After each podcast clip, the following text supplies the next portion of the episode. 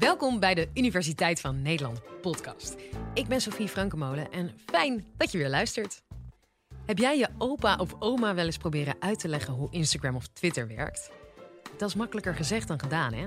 Maar het loont om vol te houden. Want ouderen kunnen heel veel hebben aan wat social media in hun leven. Hoe, wat en waarom hoor je van levenslooppsycholoog Marianne Simons van de Open Universiteit. Dit is de Universiteit van Nederland. Nog even een post op mijn tijdlijn hoe de dag is geweest. Een WhatsAppje naar de kinderen dat ik wat later ben. En die vacature op LinkedIn bekijken. Social media zijn niet meer weg te denken uit ons dagelijks leven. Maar voor ouderen is dit gebruik veel minder vanzelfsprekend. En dat is jammer. Want ouderen die wel social media gebruiken lijken beter in staat te zijn om om te gaan met de uitdagingen waar zij voor staan. En oud worden we hopelijk allemaal. En bij de Open Universiteit onderzoeken wij hoe je dat zo gelukkig mogelijk kan doen. En in dit college wil ik met jullie gaan kijken naar de rol van social media hierin. Ons geluksgevoel, ons welbevinden, zoals wij dat noemen, is iets heel subjectiefs. Het gaat erom dat jij zelf vindt dat je gelukkig bent. En dat je tevreden bent met hoe jouw leven eruit ziet. En de mate waarin jij dat vindt, dat wordt bepaald door de invulling van een aantal psychologische basisbehoeften. Allereerst is dat sociale verbondenheid. Heb jij betekenisvolle relaties met anderen en voel jij je onderdeel van een uh, sociale omgeving? De tweede is autonomie. Kun jij je leven zo inrichten zoals jij dat wil en kun jij je eigen keuzes maken?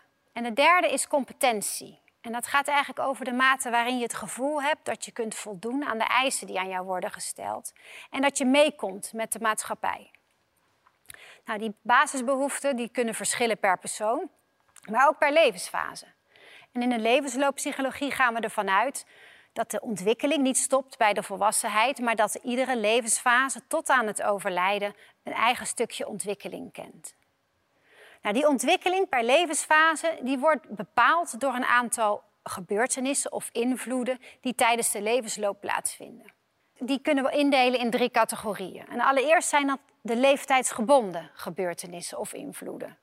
Dat zijn eigenlijk gebeurtenissen die iedereen ongeveer op hetzelfde moment in de levensloop meemaakt. Kun je denken aan het doorlopen van de lagere school en de middelbare school, het halen van je eindexamen, het vinden van een eerste baan.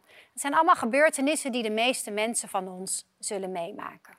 Later in het leven worden persoonlijke gebeurtenissen belangrijker. Dat zijn dus gebeurtenissen die jouw eigen levensloop uniek maken. Daarbij kun je eraan denken dat je misschien een scheiding meemaakt van je ouders als je in de puberteit zit. Of dat je de loterij wint op je 25ste, waardoor je leven een hele andere wending neemt. Uh, misschien heb je een burn-out op je 40ste na een hele lange tijd van intensief werken. Nou, die, die persoonlijke gebeurtenissen zijn ook met name van belang in de latere levensfase. En in, als we het dan echt over de ouderen hebben, zijn dat jammer genoeg steeds vaker verlieservaringen. Dus je, allereerst verlies je je werkomgeving omdat je stopt, omdat je met pensioen gaat.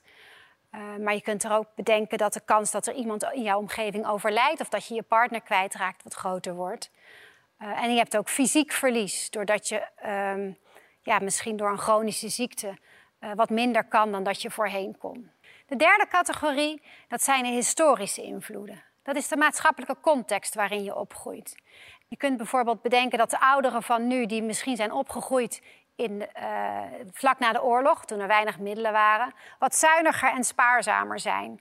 Uh, omdat ze dat toen zo hebben geleerd en dat later moeilijker afleren. Social media is ook zo'n historische context.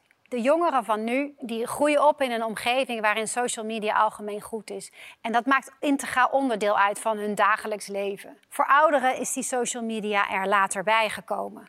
Misschien hebben ze wel de hele World Wide Web zien ontstaan toen ze een jaar 50 waren. Dus de manier waarop zij daarnaar kijken en daarmee omgaan zal daarom heel verschillend zijn. Nou, de wijze waarop je omgaat met de uitdagingen in die verschillende levensfases, dat bepaalt je welbevinden. En nogmaals, bij ouderen zijn dat steeds vaker verlieservaringen. Nou, welke factoren spelen nu een rol om toch positief om te kunnen gaan met die uitdagingen als je ouder wordt? Nou, een hele belangrijke factor daarin is je sociale omgeving. Uh, als jij een sociaal netwerk hebt waar je uh, een beroep op kunt doen, die jou kan helpen om je leven zo in te delen zoals jij dat zelf graag wil, dan helpt dat bij jouw welbevinden. En dat noemen we ook wel het sociaal kapitaal. Dat zijn dus de hulpbronnen die jouw omgeving jou te bieden hebben. En dat is in iedere levensfase van belang, maar wordt extra belangrijk als je ouder wordt. En dan blijken dat met name de sociaal-emotionele relaties te zijn die, die belangrijk zijn. De betekenisvolle relaties met anderen. En dat verklaren we aan de hand van de sociale emotionele selectiviteitstheorie. Dat is een hele mond vol, maar die theorie legt uit dat naarmate de tijd die nog resteert uh, beperkt is, en je beseft dat ook, dat het steeds belangrijker wordt om in het hier en nu positieve ervaringen te hebben en positieve, belangrijke, betekenisvolle relaties met anderen te onderhouden.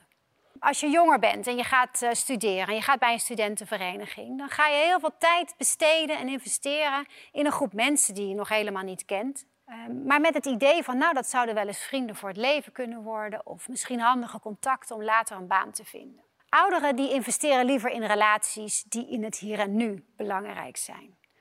Als je aan een oudere zou vragen te kiezen tussen een, het bezoeken van een groot buurtfeest, opening van een winkelcentrum, of een kopje thee te drinken met een geliefde buurvrouw, of een potje te schaken met een goede oude vriend, dan is de kans groot dat ze voor dat laatste kiezen, omdat dat in het hier en nu belangrijke relaties voor hen zijn.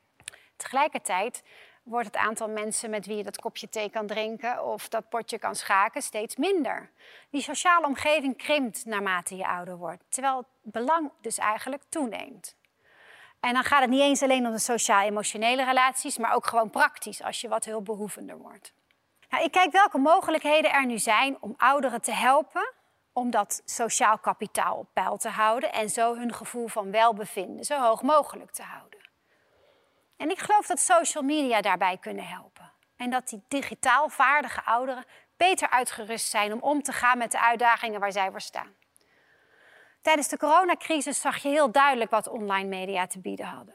Ervoeren wij eigenlijk allemaal een beetje wat de ouderen dagelijks ervaren, namelijk meer aan huis gebonden, niet zomaar naar belangrijke andere mensen toe kunnen, het gemis van een werkomgeving. En wat deden we? We gingen massaal online. Via allerlei social media en informatie-communicatietechnologie wisten we elkaar te vinden, onderhielden we onze sociale contacten en organiseerden we ons leven en ons werk. Er was een, een toename van 12 miljoen gebruikers voor de vergader-app Teams. Um, er was een, een, piek in het gebruik van Skype, WhatsApp, uh, Facebook. En een, meest populaire app was House Party, waarin je met elkaar kan videobellen en spelletjes kan spelen. Dus is dat dan niet ook iets voor ouderen die altijd wat meer aan huis gebonden is? En misschien niet zonder dat ze iemand ander, de hulp van een ander krijgen naar een winkel kunnen. Dat, dan kunnen ze gewoon online op hun eigen moment een mooie uh, kledingstuk uitzoeken. Maar dat is wel wennen voor ouderen, want is het wel zo veilig om online iets te kopen? En hoe maak je dan een WhatsApp-groepje om met de buurvrouw te kletsen? Bij een bijeenkomst die ik had met ouderen waar we over dit onderwerp spraken, kwam ook naar voren dat uh, er ook helemaal geen behoefte was om maar van alles te posten. Dat Instagram, dat was zo vluchtig. En waarom moet iedereen weten wat ik aan het doen ben? En hier zie je ook die rol van die historische context weer. Het verschil uh, tussen oudere generaties en nieuwere generaties. En de manier waarop zij kijken naar die social media en die technologie. En dan is het best beangstigend voor ouderen om die deur naar die digitale wereld open te maken. Als je ook nog eens bedenkt dat die met name wordt bevolkt door jongere generaties. En tegelijkertijd kan het heel waardevol zijn om die deur toch open te maken, als je de deur van je huis nog moeilijk uitkomt. En dan denk ik dat je het, de wijze van het gebruik van de jongere generaties nu niet als uitgangspunt moet nemen als je wil weten wat social media voor ouderen kunnen betekenen. Ik kijk zelf juist graag naar de kenmerken van die social media en zet die dan naast de uitdagingen van ouderen. Nou, die, die uitdagingen, daar hebben we het al even over gehad. Allereerst dat, dat die krimp van het sociale netwerk. Social media en digitale communicatie bieden allerlei platforms waarop je met belangrijke anderen contact kunt houden. Uh, en misschien zelfs nieuwe contacten kunt gaan leggen. Een tweede uitdaging, dat is het, um, je hebt als ouderen minder bezigheden op een dag. Je doet minder mee, je werkt niet meer. En dat kan het gevoel geven dat je een beetje buiten de maatschappij komt te staan. En het kan ook wat verveling met zich meebrengen. Nou, via uh, social media heb je toegang tot een, een hele uitgebreide uh, aanbod van nieuws, cultuur, entertainment, onderwijs, zoals een uh, college als dit. Een derde uitdaging we hebben het ook al even eerder over gehad, is die, die fysieke beperkingen, die, die verminderde mobiliteit die jou kan overkomen als je ouder bent. Nou, in de virtuele wereld bestaat geen fysieke afstand en is iedereen even mobiel. En het laatste punt um, is, naarmate je ouder wordt, word je ook wat kwetsbaarder. Je hulpbehoevendheid gaat omhoog. Um, en hoe fijn is het dan als jij nog toch lang zelfstandig blijft wonen, dat je in direct contact kunt blijven met een zorgverlener of een SOS-punt, zodat jij altijd op het moment dat er iets zou zijn hulp kunt vragen. Nou, en hier hebben we dan eigenlijk ook weer die, die drie psychologische basisbehoeften te pakken, namelijk die sociale verbondenheid, uh, de autonomie, dat je nog zelf een stukje regie in handen houdt en bepaalde zaken zelf kunt blijven organiseren. En de competentie, dat, dat jij nog meedoet. Je, je weet nog wat er gebeurt in de maatschappij. Je voelt je nog een beetje deel uitmaken van wat er in de wereld gebeurt. Dus ik zie social media echt als een middel waar je iets mee kunt. En dat hoeft dan niet op die manier zoals die jongeren dat nu gebruiken. Maar kijk even naar wat de ouderen die het wel al gebruiken, wat doen die dan eigenlijk? Nou, in mijn eigen onderzoek zag ik bijvoorbeeld dat uh, veel ouderen zitten op Facebook dat er inderdaad weinig gepost wordt. Maar er wordt wel gekeken. En dan met name naar voor hen belangrijke andere kinderen en kleinkinderen. Waardoor ze toch weten een beetje wat er in, in de wereld van hen gebeurt. En ze toch een beetje daar deel van uitmaken, terwijl ze fysiek op afstand staan. Tijdens de coronacrisis had mijn vader van 80 een, uh, een Zoom-koffieochtend twee keer per week met zijn vrienden om hen toch te kunnen zien, omdat ze niet naar de golfbaan konden. En mijn schoonmoeder die bridget heel graag en doet dat nu via haar iPad online met tegen andere mensen.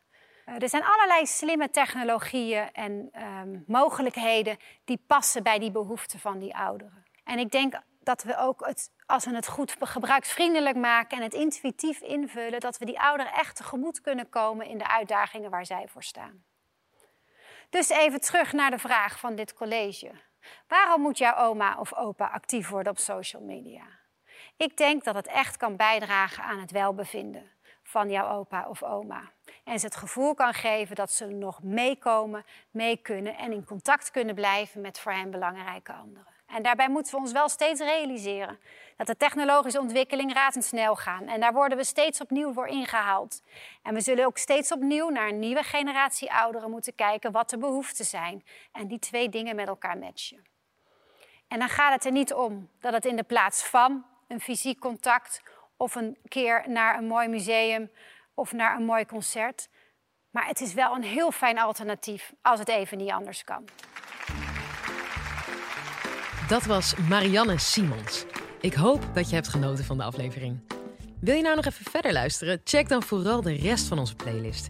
Er komen er elke week twee bij.